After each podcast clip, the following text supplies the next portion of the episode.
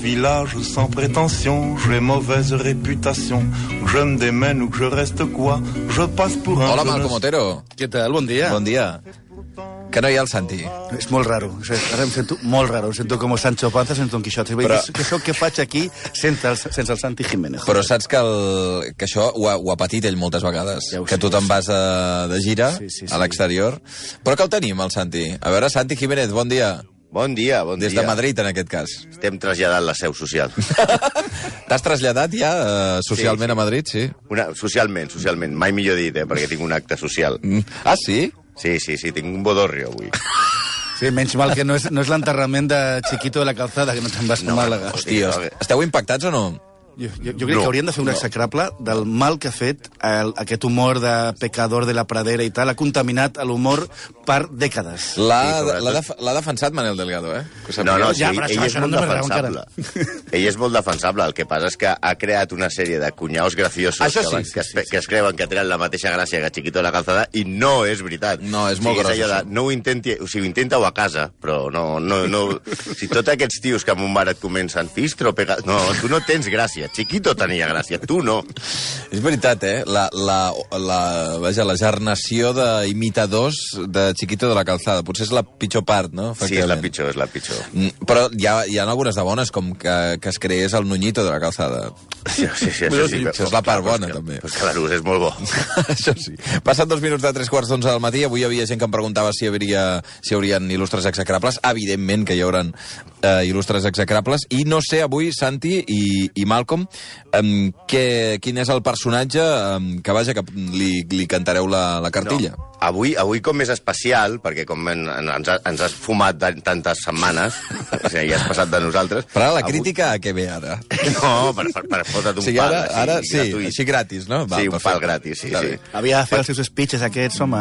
Sí, clar. Que aleshores mal aquí- parits que sou, de debò, eh? Que clar, havia de fer allò del país i tot això. Oi, oi, oi. Aquí estem... No, doncs a, a, per compensar-ho, avui en farem dos. bueno, millor dit, dues, pel preu d'un, eh? D'una. I a més a més, sempre hem dit que hi havia, eh, per resguardar querelles i tot això, sempre estaven mortes. Pues una part d'avui està viva, almenys. Ai, ai. Com a mínim biològicament. Com a mínim biològicament. Però és que no es podria explicar la història que us volem explicar basant-nos només en una de les parts. Perquè avui tocarem una cosa sensible. Eh? Avui tem, anem a temes de família.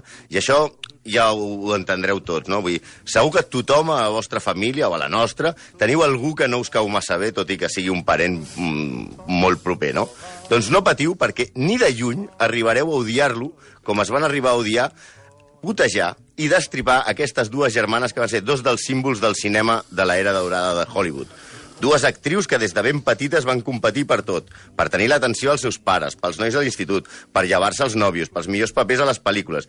I sí, senyors, fins i tot per veure quina de les dues es moria abans. Ai! Agafeu les crispetes que arriba un veritable tractat d'enveja i mala bava familiar. Dues germanes que fan que els germans Dalton siguin com les tres bessones. Amb tots vostès, Joan de Beauvoir Havilland, més coneguda com a Joan Fontaine, i la seva germana, Lady Olivia de Havilland.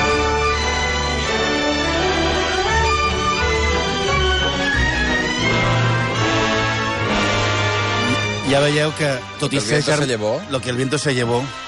Eh, ja veieu que, tot i ser germanes, es diuen diferent. Ara us explicarem. Sí, no? John, Jan Fontaine i Olivia de, de Havilland. Però ja podeu començar a veure com, com que la cosa promet, no? Abans de tot, però, farem una acotació per explicar-vos, com dèiem al començament, que per primera vegada parlarem d'una persona viva, tot i que està pel caldo, eh? Ai! Olivia de Havilland manté amb Kirk Douglas un desafiament per veure qui dels dos dura més. Sou uns desagradables, però desagradables, eh? La co coprotagonista d'allò que el vent s'endugué, el que Vido se llevó, pel·lícula, atenció, Gone with the Wind, també. Go with the Wind, és que tu, quan, ets, quan ets cosmopolita ja estàs fora, tio. Ja, Sí.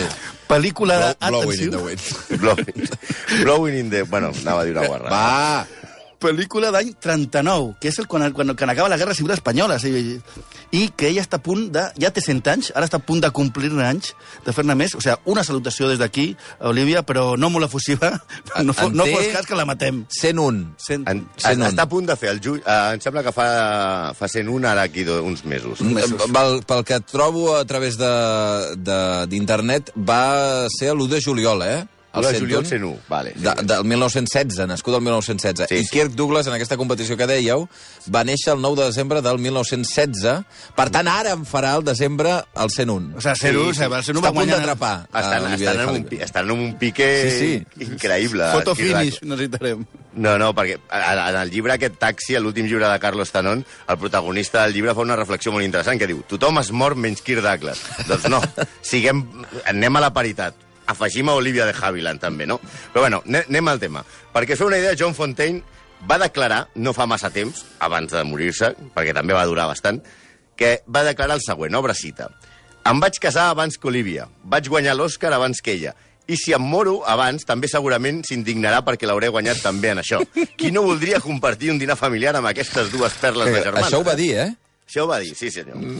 Jo, Joan Fontaine era la germana petita d'Olivia de Havilland Ah, sobre això. Ah, sobre això. O sigui, havia tingut menys temps i ho va fer tot abans. i Sí, senyor. es portaven 13 mesos, però també era petita... Home, 13 mesos no és res. Ara ja pensava que es portaven anys. Home, si a- en Sí, 100 noi. anys, 13 mesos és una merda. Això sí. No, però és, també era petit en tots els sentits perquè feia 1,59. Pensé que va actuar amb Cary Grant, que feia 1,87. O sigui, és un rotllo albiol i seta, eh? Posats a ser original, des del començament, van néixer a Tòquio, on treballava el seu pare com a advocat i professor d'anglès.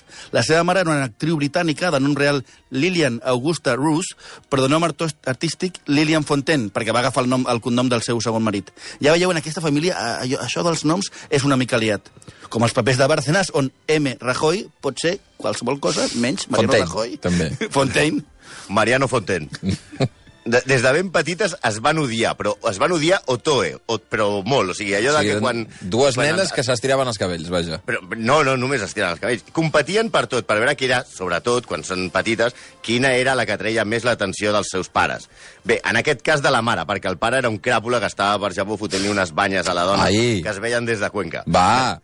Olivia era més gran, tampoc ens passem, eh? Feia 1,61, més Dos forta... centímetres. Això són dos centímetres, no m'heu dit? Sí, clar, és que ara tu cu- qüestionaràs totes les dades que donem, no? És que clar... més dominant, mentre que Joan era, diguem-ne, una nena dèbil i malaltissa. Ja.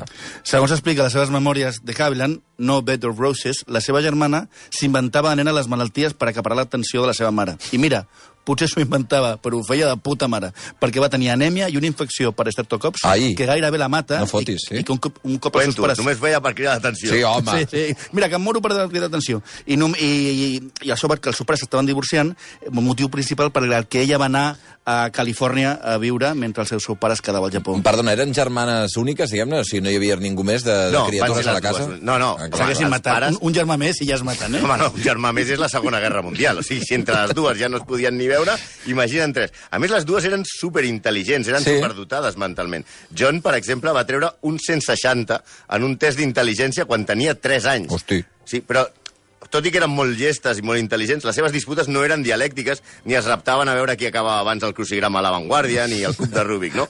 Amb 13 anys, Olivia li va trencar la clavícula a la seva germana a cops amb una baralla. Ai, ai. Sí, potser... Teniu en compte que havien estat a Japó, igual el professor Miyagi havia... l'havia tacat o una cosa d'aquestes, no? Sí, un cop als Estats Units, totes dues van començar a estudiar dicció i interpretació per seguir els passos de, de la seva mare sense deixar de fer-se la punyeta. Per exemple, l'adolescència també va ser mogudeta a casa dels Havilland. Amb una redacció al diari de l'institut, Olivia va escriure una mena de testament en què diu li deixo a la meva germana la capacitat de guanyar-se el cor dels nens, una cosa que, òbviament, no té l'actualitat. Es la rifa, eh? Ja veieu que aquesta... Ai, ai, ai, ai. Ja ai. veieu que aquesta relació és com Targaryens i... Sí, sí. I, i, i els Lannister. De fet, atenció, perquè Martin, l'autor de Joc de Trons, no ha inventat res. Perquè en aquella època, ja de, ben de joves, Olivia ja es referia a la seva germana amb el bonic apel·latiu de Lady Dragon. Molt abans que això es posés de moda per la sèrie de televisió, eh? Per la, per la Daenerys Targaryen, diguem-ne. Eh? Exacte, sí, sí, sí.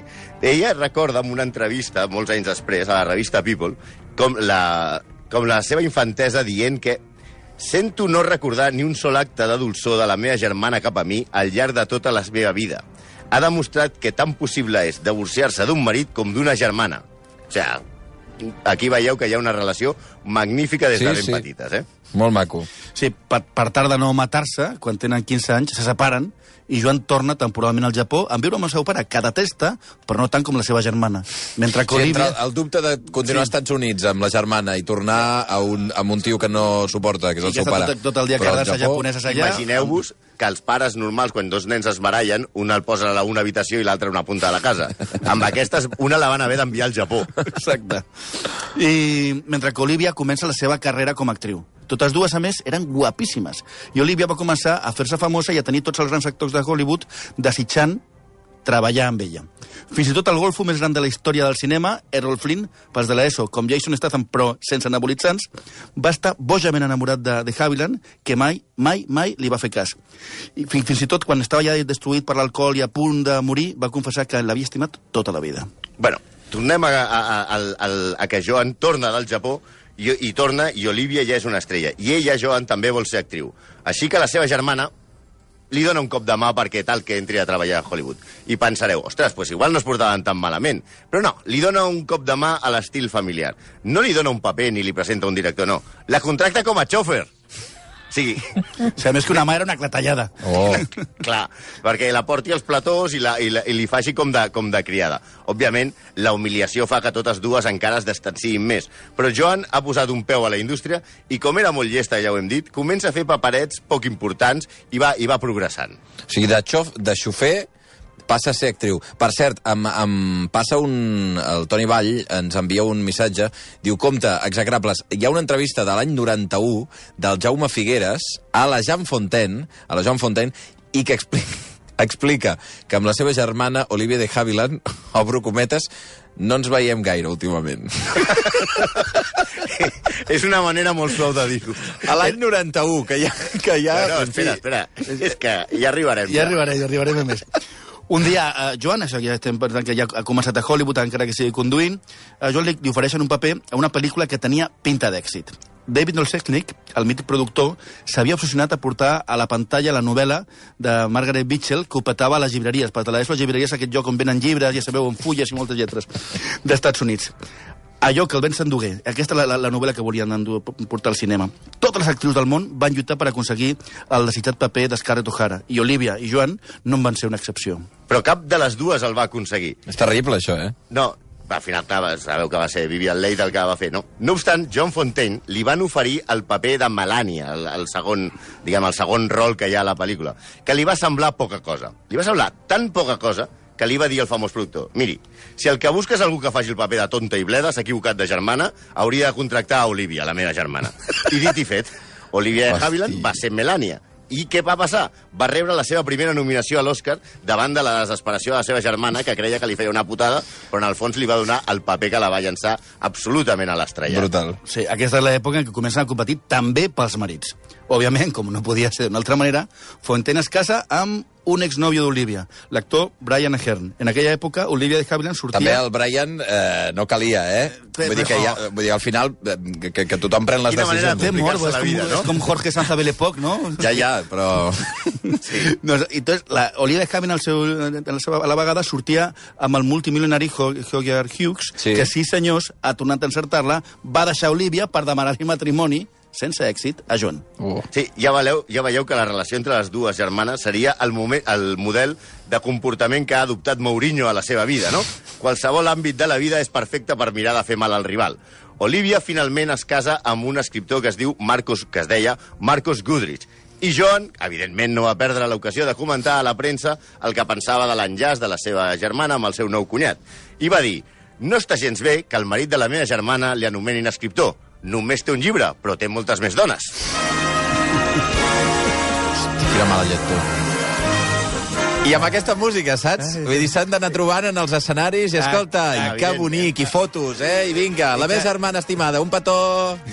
No et pensis, no, que ens feien massa No, eh? No, Ja, en, en aquest, això, com diu el... Però s'ha de quedar bé, no? Vull dir, Sí. en certa manera no pot ser un molt, molt agressiu davant No, les càmeres que- perquè sembles... Eh... Clar, però és que en aquell moment ningú sabia res. Clar. En, aquest, en aquest ambient bonic, eh, ambient familiar, arriba la gala dels Oscars de l'any 41 amb les dues germanes nominades a la categoria de millor actriu. Oh, Això és oh, el combat del oh, segle de veritat. És, és, és, I Holyfield, eh, i aleshores arriben... Però, però, a veure, aquesta és la gran pregunta.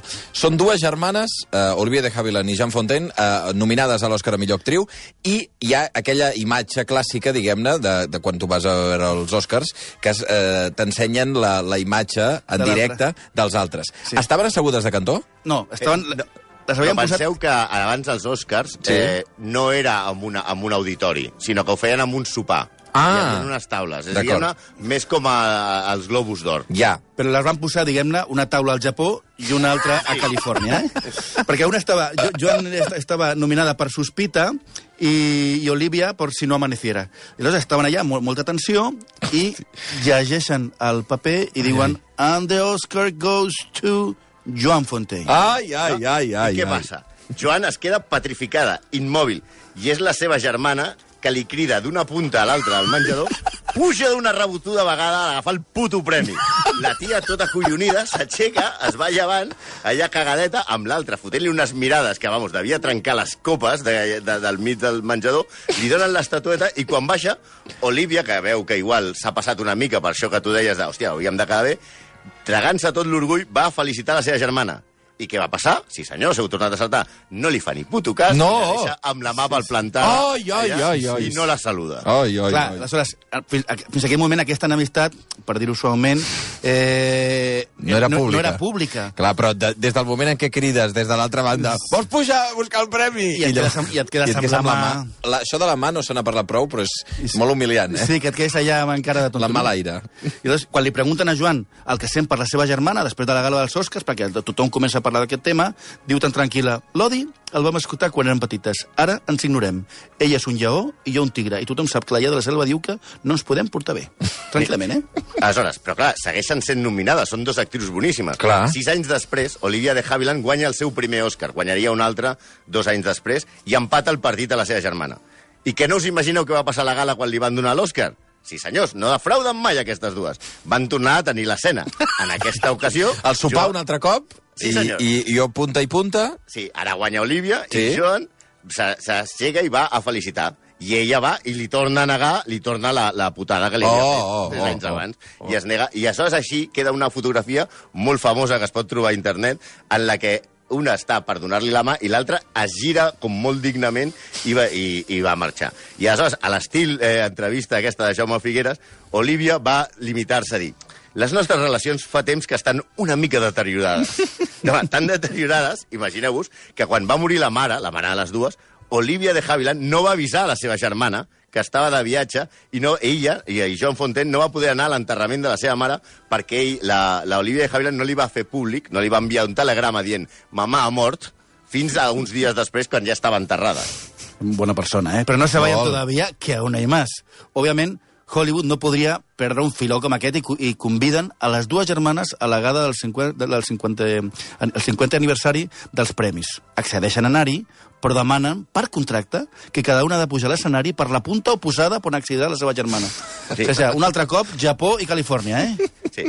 Una altra vegada, 10 anys després, la gala dels 60 anys dels Oscars, eh, conviden també a tots els, a la gent que ha guanyat un Òscar Clar, però llavors has de, eh, o sigui, la- l'acadèmia ja ha de crear el protocol uh, Havilland Fontaine. O sigui, ha de tenir uh, fins i tot nom. De dir, mira, posarem uns, uns uh, policies armats entre un i l'altre, cordó policial, i que vagin passant. Eh, John Fontaine vivia a, a, a Estats Units, a Califòrnia, a Carmel, i Olivia de Havilland des dels anys 50 esta- s'havia establert a París, on, on segueix, on, on viu, si es pot dir viure als 101 anys.